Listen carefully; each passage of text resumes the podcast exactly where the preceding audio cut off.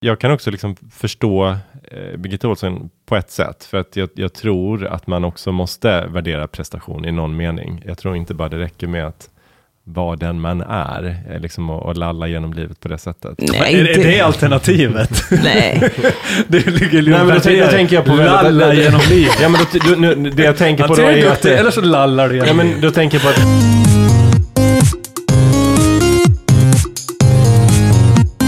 Välkommen till podden Stereotyperna i samarbete med Agur.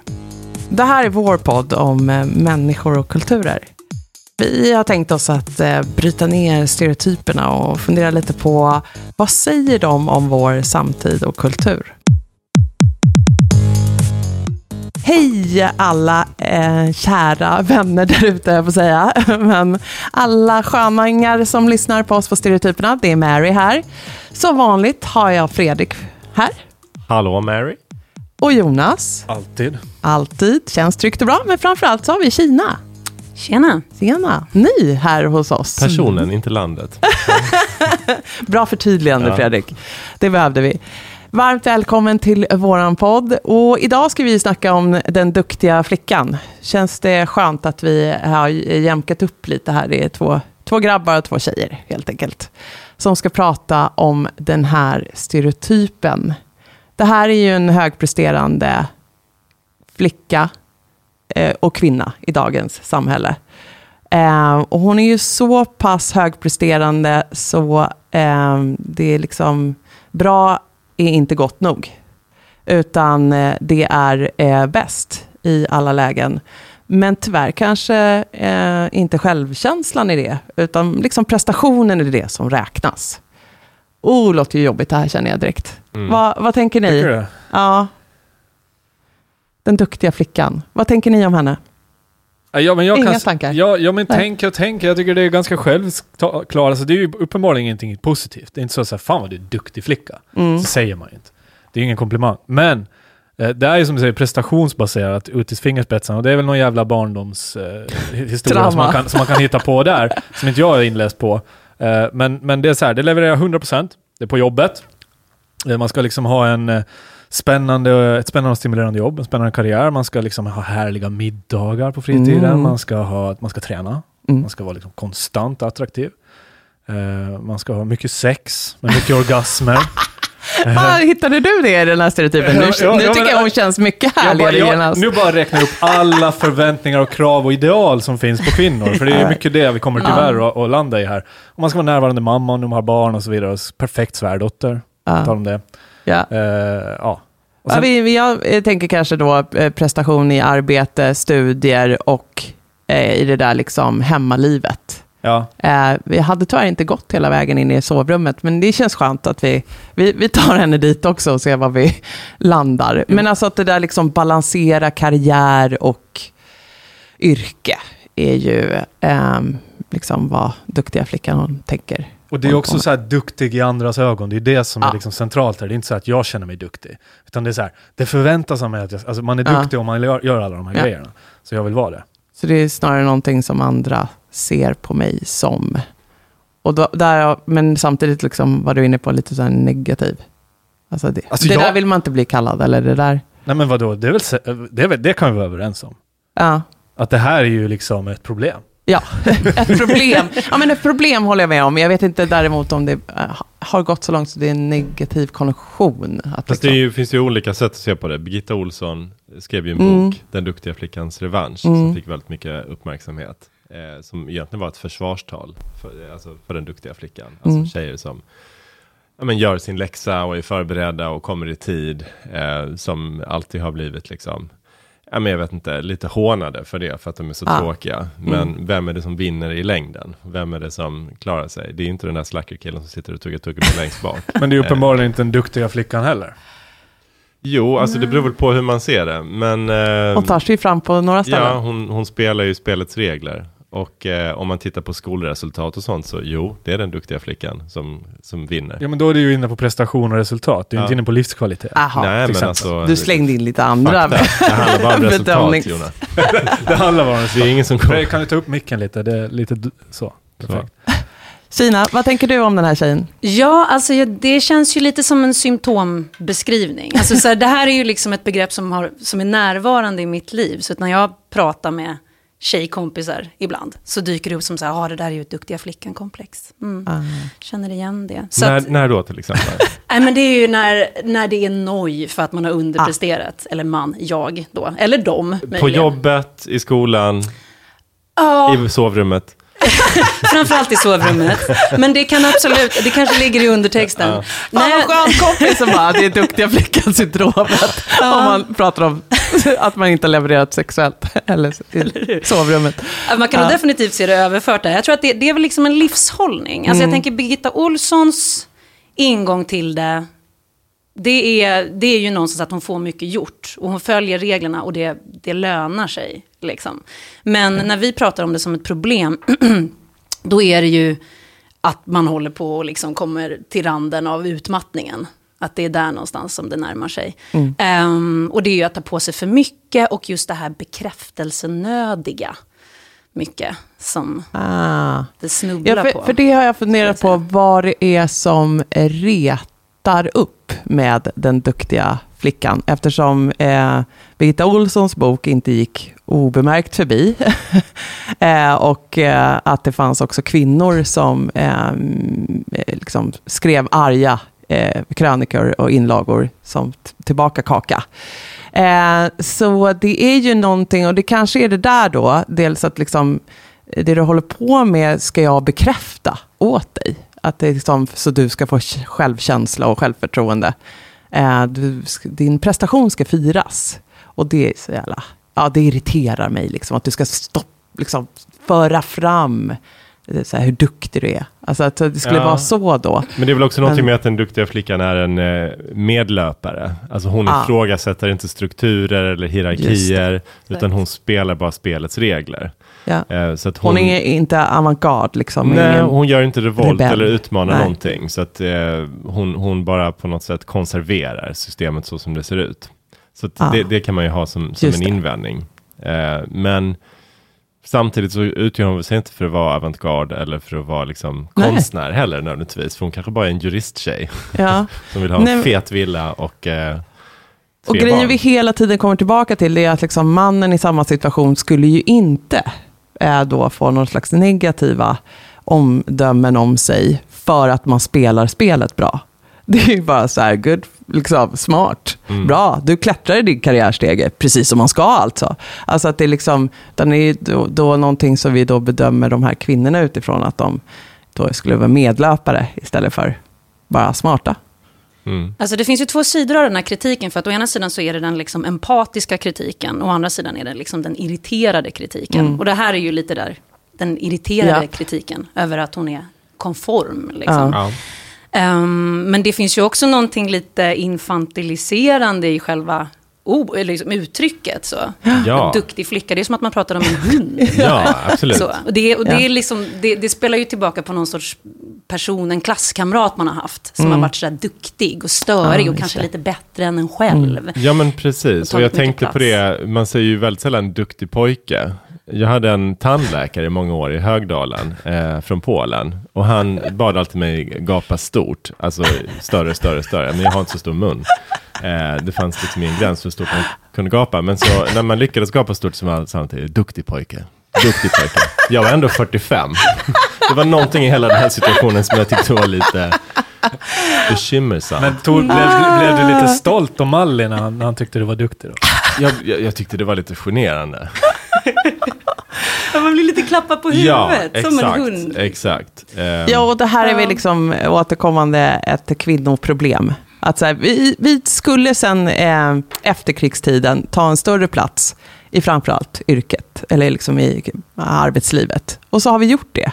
Och så blev resultatet då ett av de här, när vi lyckas väl med det jobbet, att liksom förstå oss på den här strukturen som vi är ganska nya inför, och manövrerar den, liksom navigerar den ganska väl, eh, så, så blir det liksom klapp på huvudet och duktig flicka och, och liten hund ja, det är ju som vanligt trist liksom. Trist Nej, men det är, sådär. ju, det är ju någonting väldigt förminskande i det, i det uttrycket. Och, och nu pratar man till och med om det med barn, att man får inte säga att barn är duktiga. Man får inte Nej. ens säga att hundar är det. Nej, Nej det men vi ska väl inte liksom hålla värderar på... prestation. utan de Precis, ska- värdera prestationer. Du, du är du och du duger som du är. Ja, som Jonas var inne på, att liksom försöka eh, eh, ta, liksom, se, se andra värden i livet. Du är bra som du är. Eh, det kanske är annat vi ska uppnå i livet än karriär. Men vem är en typisk duktig, fli, duktig flicka? Fredrik, du var inne på en juristtjej som vill ha tre barn och stor villa. Mm. Är det Ah. liksom en klassisk Alltså jag tänker flicka? på en specifik tjej då från min skoltid som, som var väldigt mycket duktig flicka.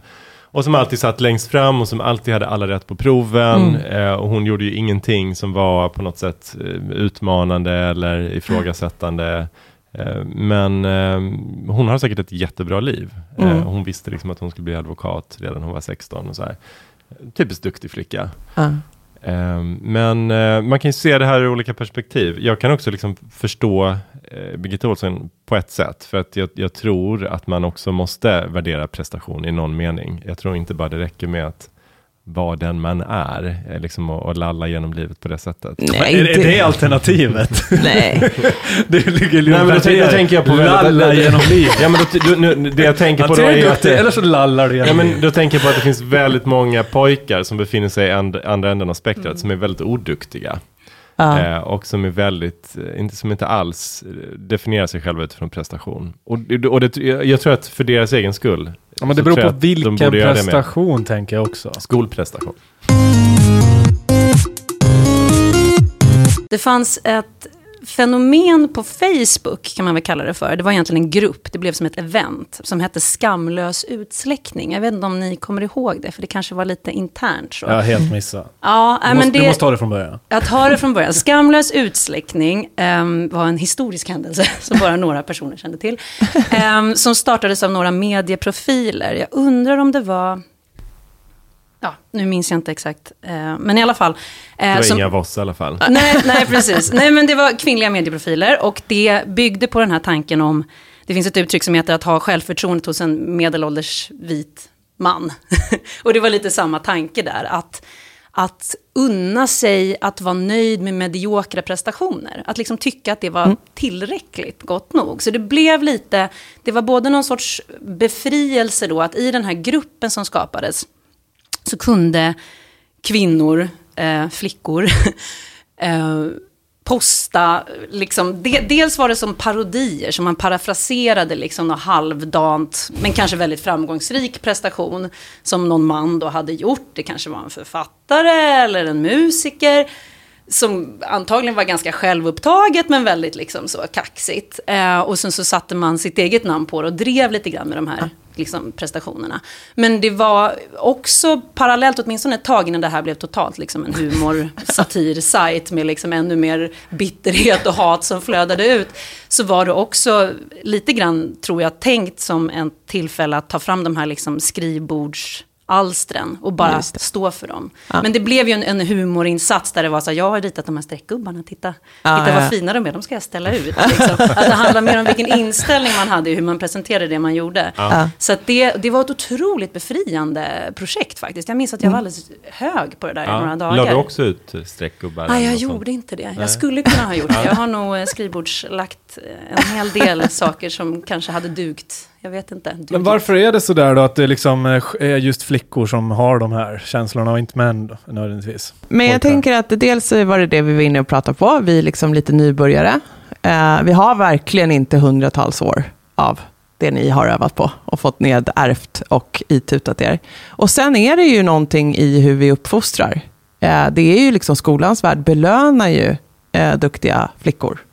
Eh, duktiga pojkar för den delen också, men det, det är ju här det här föds. Det är ju liksom att få alla rätt på glosprovet som gör att så här, yes, det där kan jag. Det där, det där får, har ett värde. Det där kan jag plocka med mig och göra mer av. Och sen så liksom fortsätter det. Så det är klart att jag också ser framför mig, ja, alltså typiskt då den här juristkvinnan ni har eh, lite skissat på. Eh, men det är ju någon som, som det har gått bra för i, i skolans värld och, liksom, och känner att det här är ett område jag bemästrar och jag förstår mig på. Och sen så, i och med att jag presterar bättre och bättre, så börjar jag själv flytta fram var liksom, eh, ribban är. Eh, och sen så fortsätter samhället berätta för mig att Fast det räcker inte riktigt med att du gjorde bra ifrån dig i skolan och sen eh, liksom tar ett eh, lågpresterande yrke eller ett lågstatusyrke. Utan liksom, nu, nu ska du liksom också då satsa på någonting som samhället anser vara en karriär. Eller, Men hur eh, berättar bra. samhället det där då? Jag tänker på ett sätt som, jag, jag, vi har den här Coop-tidningen. Mer, vad heter den? Mer smak. Mer smak. Mer smak. Eh, och den, är ju uppe, den har ju en väldigt tydlig målgrupp. För det, det, alltså jag, någon, några gånger har jag bara så här på skoj räknat bilder på män i den. Och det är, väldigt, det är typ en Ja. eh, här, nu och då. Men det är väldigt mycket så här... Har han bara överkropp och lagar mat? Han är så- expert eller, eller Ja, proffskock eller ja, något. Nej, men då är det, så här, det är väldigt mycket kvinnor, det är väldigt mycket så här, de har ju någon sån här segment som är så här, hur ska vi, så, så får du ihop vardagen och så är det så här, jättemycket, alltså där mattidningar generellt tenderar att visa jävligt så här härliga, fräscha och dukningar med hela liksom långbord och, och liksom häftiga rätter som, så här, som de brandar som vardagsrätter. Man får ju ångest av bara det. Men alla är så här skitglada, alla kvinnor som är liksom profiler och journalister. Är så här stort leende, de bara så här pratar med så här pigg ton hela tiden. Ja. Det liksom finns ingenting mörkt, det finns inget, inget bittert. Nej. Eh, eh, och sådär, så jag, där redan tänker jag så här, hur fan ska man palla med det här? Att vara den här i den här matvärlden hemma, när jag ska vara den där i jobbet-världen hemma. Sen var det en grej, vi, har en sexåring hemma och hon har blivit för jävla jobbig just nu. Och då eh, så kollade jag upp så här, var, varför är en sexåring jobbig? Eh, men då fanns det så här, men det finns sex års, det är typ en tidiga tonåren kallar man den. Eh, så. Men då var det så här, hur kan du göra? Och då var det så här, ha ett stopp, ord, lek en lek, du vet så här. Det var ingen sån här, gå ut och ta en cigg, eh, ta en promenad, här, stäng dörren. Ingen så här, du är människa, utan det var bara liksom, prestera, gör liksom, var perfekt förälder i Ja. den här situationen. Och nu var det säkert råd riktade till alla sexåringar, pojkar som flickor, men det var fortfarande inte heller så här, låt hen leva ut allt det där. För det tror jag är också en jättestor skillnad på att så här, flickor eh, liksom belönar vi och liksom belönar vi det här fina beteendet eller duktiga beteendet och vi bestraffar när de är lite motvalls och lite eh, pojkiga.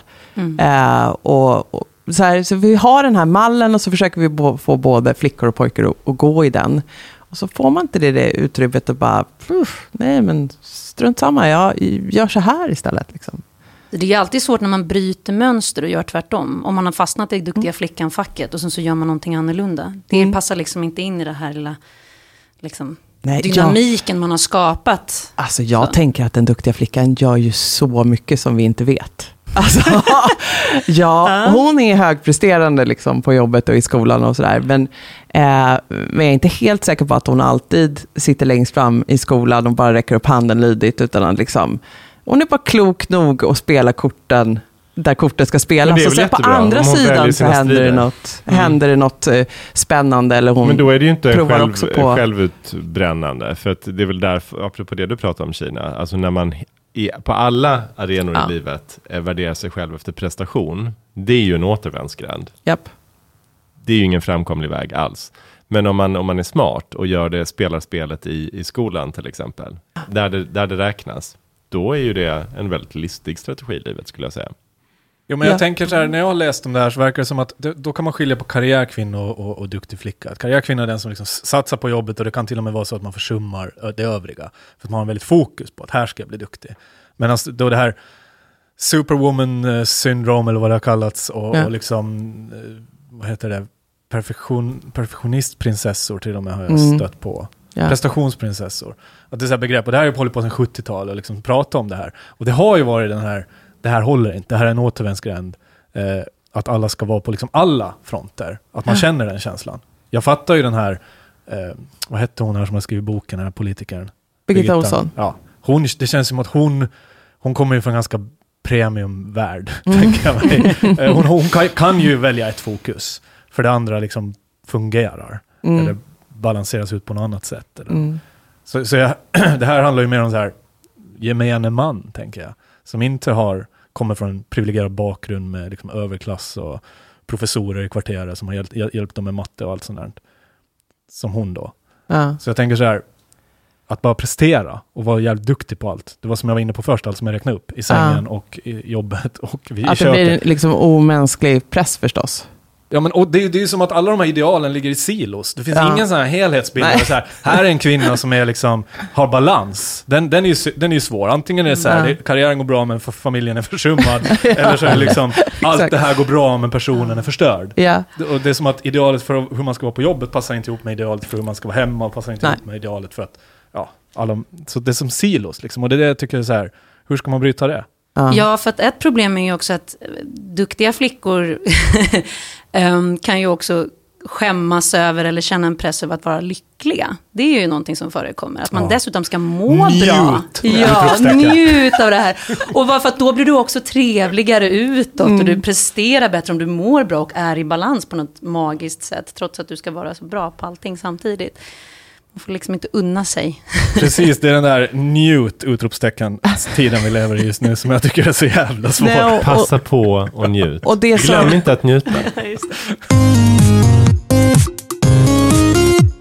Jag vet inte om man kan vara en duktig flicka inom en annan kontext. Alltså om man till exempel är i ett gäng heroinister. Kan man vara en duktig flicka där också? Eller, eller är det alltid Ja, det är den som fixar liksom Ja, men det, det, det undrar. rena, Eller, rena eller, sprutor. eller är det, och- handlar, handlar det alltid om med sig, konstruktiva ja. saker? För när man pratar om det så pratar man ju mer om någon som går upp tidigt på morgonen och tränar och som har alla rätt på proven. Och då kan man tycka att ja, det är ju liksom, hon gör det för skolan, eh, för, för Mm. det, det systemet, eller hon gör det för att eh, en, Föräldrar. någon bloggare säger Ja. att man ska träna. Men alla de sakerna gagnar ju henne själv i slutändan. Mm. Ja, och det är väl en del av Förstår ni kritiken. vad jag menar? Ja, precis. Och det är Det väl är en del av konstruktiva aktiviteter. Ja, och det är väl en del av kritiken att säga, vad fan klagar du på? Det, som andra kvinnor som jag nu har läst, som liksom har kanske gett kritik också till Birgitta Olsson. Att det så här, men herregud, privilegierad, duktig flicka, vad, vad fan är grejen? Bara njut då av din position och där du befinner dig. För att jag var en jäkla strulputta i skolan och lyckades skrapa ihop en karriär.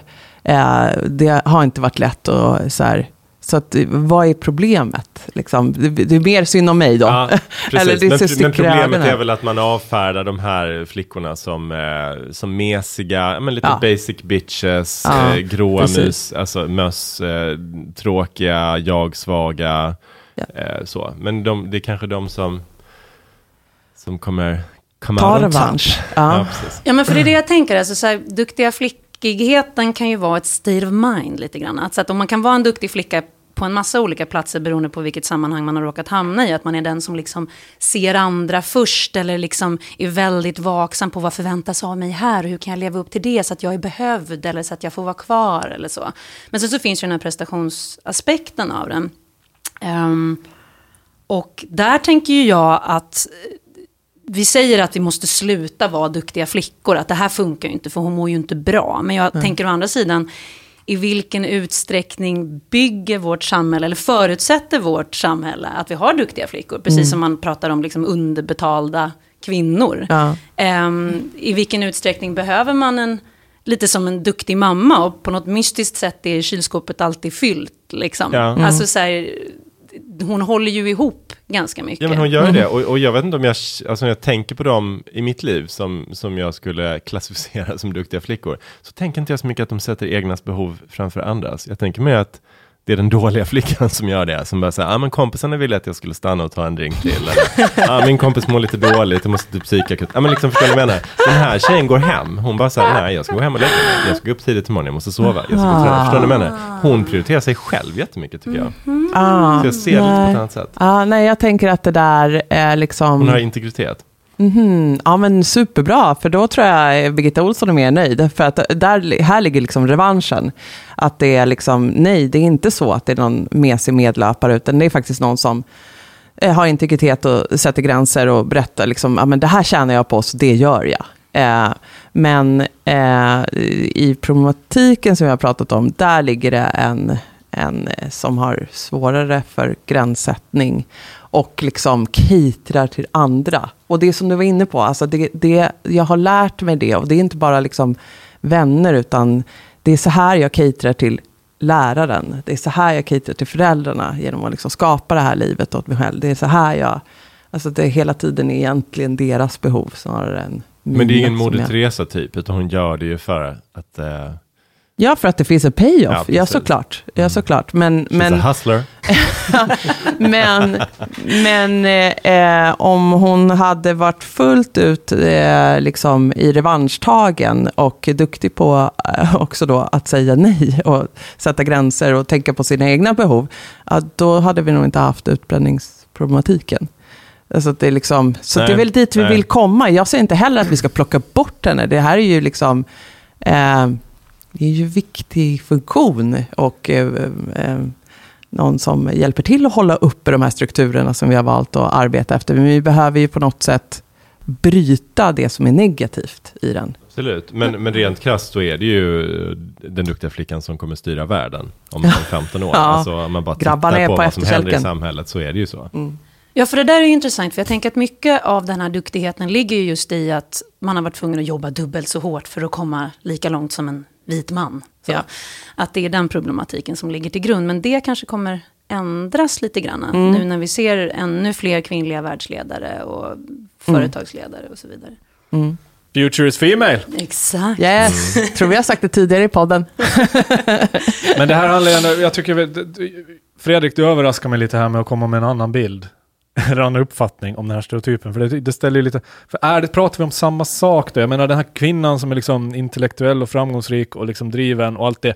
Det är inte nödvändigtvis det jag ser som den duktiga flickan. Nej, Därför är jag orolig för att vi pratar om utan- olika saker. Ja men alltså just de Ja. här som kanske då är företagsledare, liksom eh, världsledare eller vad man nu Det säger. behöver inte vara det, utan bara jävligt bra tandskötare eller vad som är. Nej men liksom som, eh, som, som man kan lita på och som gör Mm. det hon, hon, hon säger att hon ska göra. Som, som funkar på en arbetsplats, som funkar socialt. Som, Men du, eh, di- ditt alternativ är att man lallar genom livet. och, och jag, jag skulle vilja säga att det finns en sån här gyllene medelväg här som är att man är en okej människa. Punkt. Okej, okej. Att man är lagom bra. Nej, men jag tänker återigen på det här med skamlös utsläckning. Det ligger ju liksom i, i själva Superbra. uttrycket. Det är just ingen skam och en utsläckning av ett visst liksom beteende. Alltså det är en sån psykologisk term, att man släcker ut ett beteende genom att göra någonting annorlunda eller bekräfta något annorlunda beteende.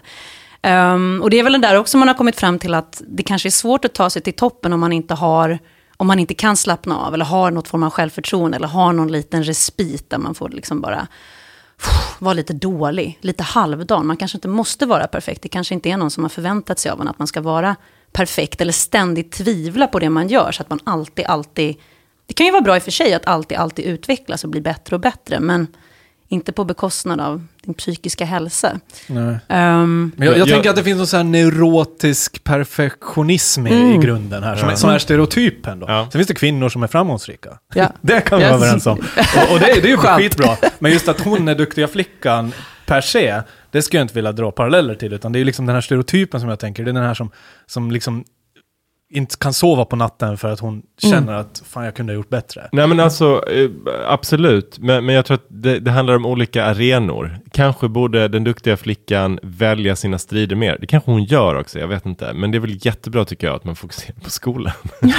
Eller på jobb. Nej, men alltså att man, Ja. att man, att man eh, ja, tar, tar det man håller på med på allvar. Men sen är det ju inte bra att vara, eh, liksom, bli utbränd socialt eller i sin kärleksrelation. Det är ju superdestruktivt. Eller inte respekterad för att jag då gör det jag ska och istället få en klapp på huvudet. Ja men precis. Det är något väldigt liksom bakvänt i det. Jag älskar att jobba med duktiga flickor.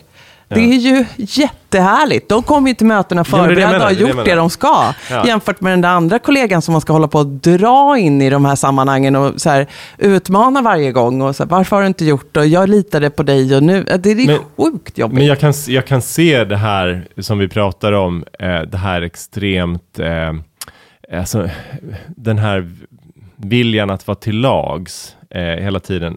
I, I vissa så här Mm. kvinnodominerade sammanhang som jag har varit i eh, rent privat. Ja. Att det, så här, det ska bakas kakor, det ska köpas presenter och det ska, alltså det läggs så fruktansvärt mycket energi på Mm. saker som egentligen bara handlar om att jag vill positionera mig som väldigt duktig. Ingen ska kunna säga att jag inte har ställt upp. Precis. Ja, fast det är också så att du blir så fruktansvärt dömd. Inte av dig, men av de andra kvinnorna. Ja, vi, vi är ju är så inte, kanske det är. Vi är Jag, inte jag står utanför och tittar på, på men jag tycker det är så crazy. Ja, vi är inte jättebra på att vara snälla mot varandra, utan vi är kanske liksom hårdast mot varandra. Fast utifrån där jag står så tycker jag att det, att, att det, liksom, det går inflation i sådana här grejer och att Ja, ja. Det, jag tycker det ser ut som att det sitter jättemycket i folks egna huvuden.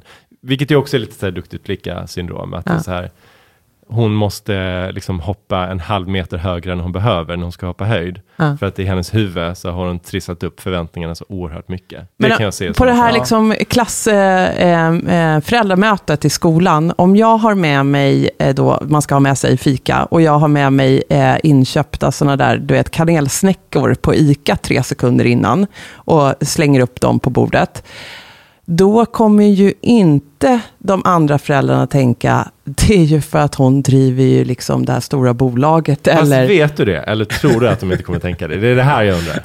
Nej, men eh, alltså... eh, Hur mycket sitter det i ditt huvud? Men det är väl säkert så att det sitter i huvudet, men det är ju, alltså, det, det, du behöver inte leta länge där ute på nätet för att också se att det så här finns, eh, ja, framförallt tyvärr kvinnor, som då är, är snabb på att liksom tro någonting om att man underpresterar i, i sin roll som förälder eller så. För att man liksom, eh, eller att man inte prioriterar barnen, eller att man då prioriterar sin karriär. Då är nästa Alltså fråga, liksom, varför är eh, det så viktigt att någon på ett föräldramöte som du inte finns i ditt liv, alltså vad de tänker. Nu pratar jag inte just om dig Mary, jag bara pratar rent generellt. Men om vi bara går in i den här situationen, varför blir det så infekterat? Mm. Kan man inte bara säga, fuck it, jag, jag vill inte baka någon kaka. Men Det är klart, att- att kan göra det och folk gör det hela tiden. Men det är ju, ja, men jag tänker att det är ehm, att eh, vi hela tiden håller på med bilden av oss själva och Fast identiteten. killar gör inte det här, Och, sånt, äh, just sånt så mycket. Eller vad säger du? Nej, nej, eller jo, jag kan vara så. Men, men jag tänker generellt, ja, så, så är det väl. Eh, Men det är ju det jag tänker att så här, killar har väl tradition, historiskt sett inga förväntningar på sig i den, på den arenan. Nej, det är ingen som precis. förväntar sig att, att en pappa kommer. Du blev ju för fan kär Du- i din man för att han kom med en jävla Exakt. paj till Exakt. ett knytkalas. Så Exakt. jag menar förväntningarna var ju väldigt låga. de var låga. De andra grabbarna hade inget. De var låg där och var bakis i den här. Nej, Ja. men alltså mannen kommer ju få uppskattning för att han kom till mötet. ja. Och Oj, han är här. Oj, han är här. Oj, vilken aktiv förälder. Men jag tycker också att vi ska flytta fokus för att alla flickor är ju mer eller mindre duktiga idag. Ja. Det är ju killarna som är problemet som vi har pratat om i den här podden så ofta. Så varför pratar vi inte om dem istället? Ja. Är, det, är det så jävla farligt att tjejer har bäst, eh, liksom alla rätt på proven? Är det ett samhällsproblem? I don't Ja. know. Nej, men det blir ju först eh, när de eh, mår dåligt och, vi, eh, och det leder till de här obalansen i eh, eh, våra hushåll och sådana liksom, effekter som vi får. Men annars håller jag med dig. Det är superbra om världen bestod av fler som det är liksom, eh, var lojala, tog hand om sin uppgift, genomförde den, försökte göra den så bra som man kan. Det är liksom många bra traits här som den här personen. Bara hon kan Ja. tänka själv. Ja, just det. Vi Så. inte ha den här Precis, att det inte bara är, jag, jag vet inte inte, bara riktigt okritiskt följa, utan också bidra till en konstruktiv utveckling. Ja, hon måste jobba lite på sin självkänsla, men vadå, det är ju liksom lite KBT. 10 sektioner så är det kirrat. Oh my god, ska vi sluta där? Det, det kommer verkligen... Tio sessioner på privatklinik, Kirat, kör. Vi kommer få Hur svårt kommentarer. behöver det vara? Men jag skulle vilja avsluta med att höra lite, vad har ni gjort i veckan som har varit mest stereotypiskt? Vi lämnar lite den duktiga flickan. Eller har ni varit en Ja, duktig jag har flicka varit en duktig kanske? flicka på Ja, sätt och vis. Bra eller, Fredrik. Nej men så här, som alla människor som har tagit ut svängen under semestern så har jag Ah. varit sån här självspäkande träningsbög liksom, som har cyklat till jobbet och tränat på kvällen och liksom på allvar trott, intalat mig själv att jag aldrig mer kommer äta en ostbåge. Men det kommer ju hända inom 12 timmar säkert, eftersom det är fredag idag. Så, ja, men den stereotypen har jag verkligen känt att jag har varit. eh, Så. Den Jag själv, fick vad är det? utifrån. Självspäkande träningsbög. Ja. Den har inte vi pratat Eller- om. Det måste vi göra. det, är också den är väldigt mycket, det är väldigt mycket duktig flicka i den också, ska Ja, jag säga. ja det. Jonas, hittar vi dig på den andra delen av skalan eller har du också utövat duktig flicka? Nej, eller jo, jag, jag har ju ett otroligt eh, prestationsbaserat själv, en prestationsbaserad självkänsla. Så jag jobbar, jobbar kvällar den här, kvällen, den här veckan. Ja. Så, det, det, så var det det. Men det tycker jag inte är stereotypt, utan det jag kanske har gjort som var mer stereotypt var i helgen när jag, när jag satt och googlade eh, varför klimatkrisen är eh, uppblåst och, och liksom... Oh, Alltså jag just det. googlade för att jag ville se... Klimatförnekaren. Ja men precis, jag var lite klimatförnekare för det var så här, jag fick sån jävla ångest för jag hade massa diskussioner om klimatet och liksom så här allt möjligt. Och så tänkte jag så här, men det här kommer ju inte att gå. Så jag tänkte, jag måste bara få ett annat perspektiv. Ja. Jag måste se det på ett positivt, jag måste, jag måste liksom antingen döda eh, hotet eller bara se det som, något, som att det faktiskt är på väg åt rätt håll. Och då tänkte jag att jag ska döda hotet. Mm. Känner du peppen nu då? Klimatpeppen? Vär- världen är ljus framöver. Ja, men lite bättre kändes det faktiskt. Men jag vet inte om det jag läste var sant. Men det fick mig att känna mig... Whatever works for you. Ah, vad roligt. Kina? Ja, jag fick ju klimatångest den veckan, det kanske är förutsägbart. Men, men det var inte det jag tänkte på. Nej, men faktiskt lite grann, jag, jag ser mig själv lite grann på spektrumet när det kommer till duktiga flicka. Men om man då tänker att eh, en, en liksom backlash, eller kanske inte backlash, men en reaktion på när jag har varit för mycket duktiga flicka, det är att jag känner att jag faller in i Bridget Jones-stereotypen. Ah. liksom låta hemmet förfalla, gå runt i, jag vet inte, äckliga gamla kläder, underkläder vill jag säga, men jag vill inte måla för mycket bilder här. Det gjorde Eh, det gjorde jag ändå. Var väldigt sugen på vin, Ja. dricka Ja. vin på vardagar. Jag är inte helt på väg ut för, men det jag känner. Ja, den, den stereotypen är ju jätteintressant. Den Du, vi, vi, vi ringer dig Kina när Ja. det blir dags igen. Kommer den. Mary. Mary, vad har du gjort? Jag har fallit till föga för, eh, jag vet inte, min ålder kändes det som. Jag började veckan med och kände bara så här, okej boomer. När jag dessutom var tvungen att kalla in dig Jonas i lite lätt stresspanik över att eh, Zoom eh, med simultantolk funkade sådär för mig direkt på måndag morgon. Och man var så här, oh här kommer några år yngre med större koll och hjälper lilla tant att få igång de här grejerna. Fan, det är inte skönt alltså. Det kan få mig att vilja... Eh, eh, jag hade googlat mycket om hur jag skulle få det här att funka och ändå så sitter jag där. Och, Det är aldrig mysigt att känna sig som en all- boomer. all- det finns aldrig inget mysigt. positivt med det Nej, fan. överhuvudtaget. Det var inte helt okej. Eh, men det här det var ju spännande att prata om den duktiga flickan och eh, vi hade lite av henne i oss själva, om det nu var på föräldramötet eller i arbetsveckan som har gått. Vi tror att vi kommer, eh, eh hon är inte på väg bort, eh, utan snarare så är det hur vi ska liksom Eh, om man är som Fredrik, hur kan fler ta plats? Hur kan pojkarna bli duktiga pojkar? Eller om man är lite mer åt Jonas håll, hur kan vi eh, montera om lite för att eh, eh, hitta andra värden? Eh, vi får se. Och kanske är det dags att starta en ny Facebookgrupp, Kina. Jag är med. Jag har lite grejer i skrivbordslådan. nu kör vi. Var nöjd med det man presterar. Mm. Mm. Det lämnar vi er med. Tack för idag. Tack Kina, jättekul att ha dig med. Tack själv, jättekul att vara här. Tack Fredrik. Tack. Hej Tack då. Jonas. Tack. Tjena. Hej då. Hej då.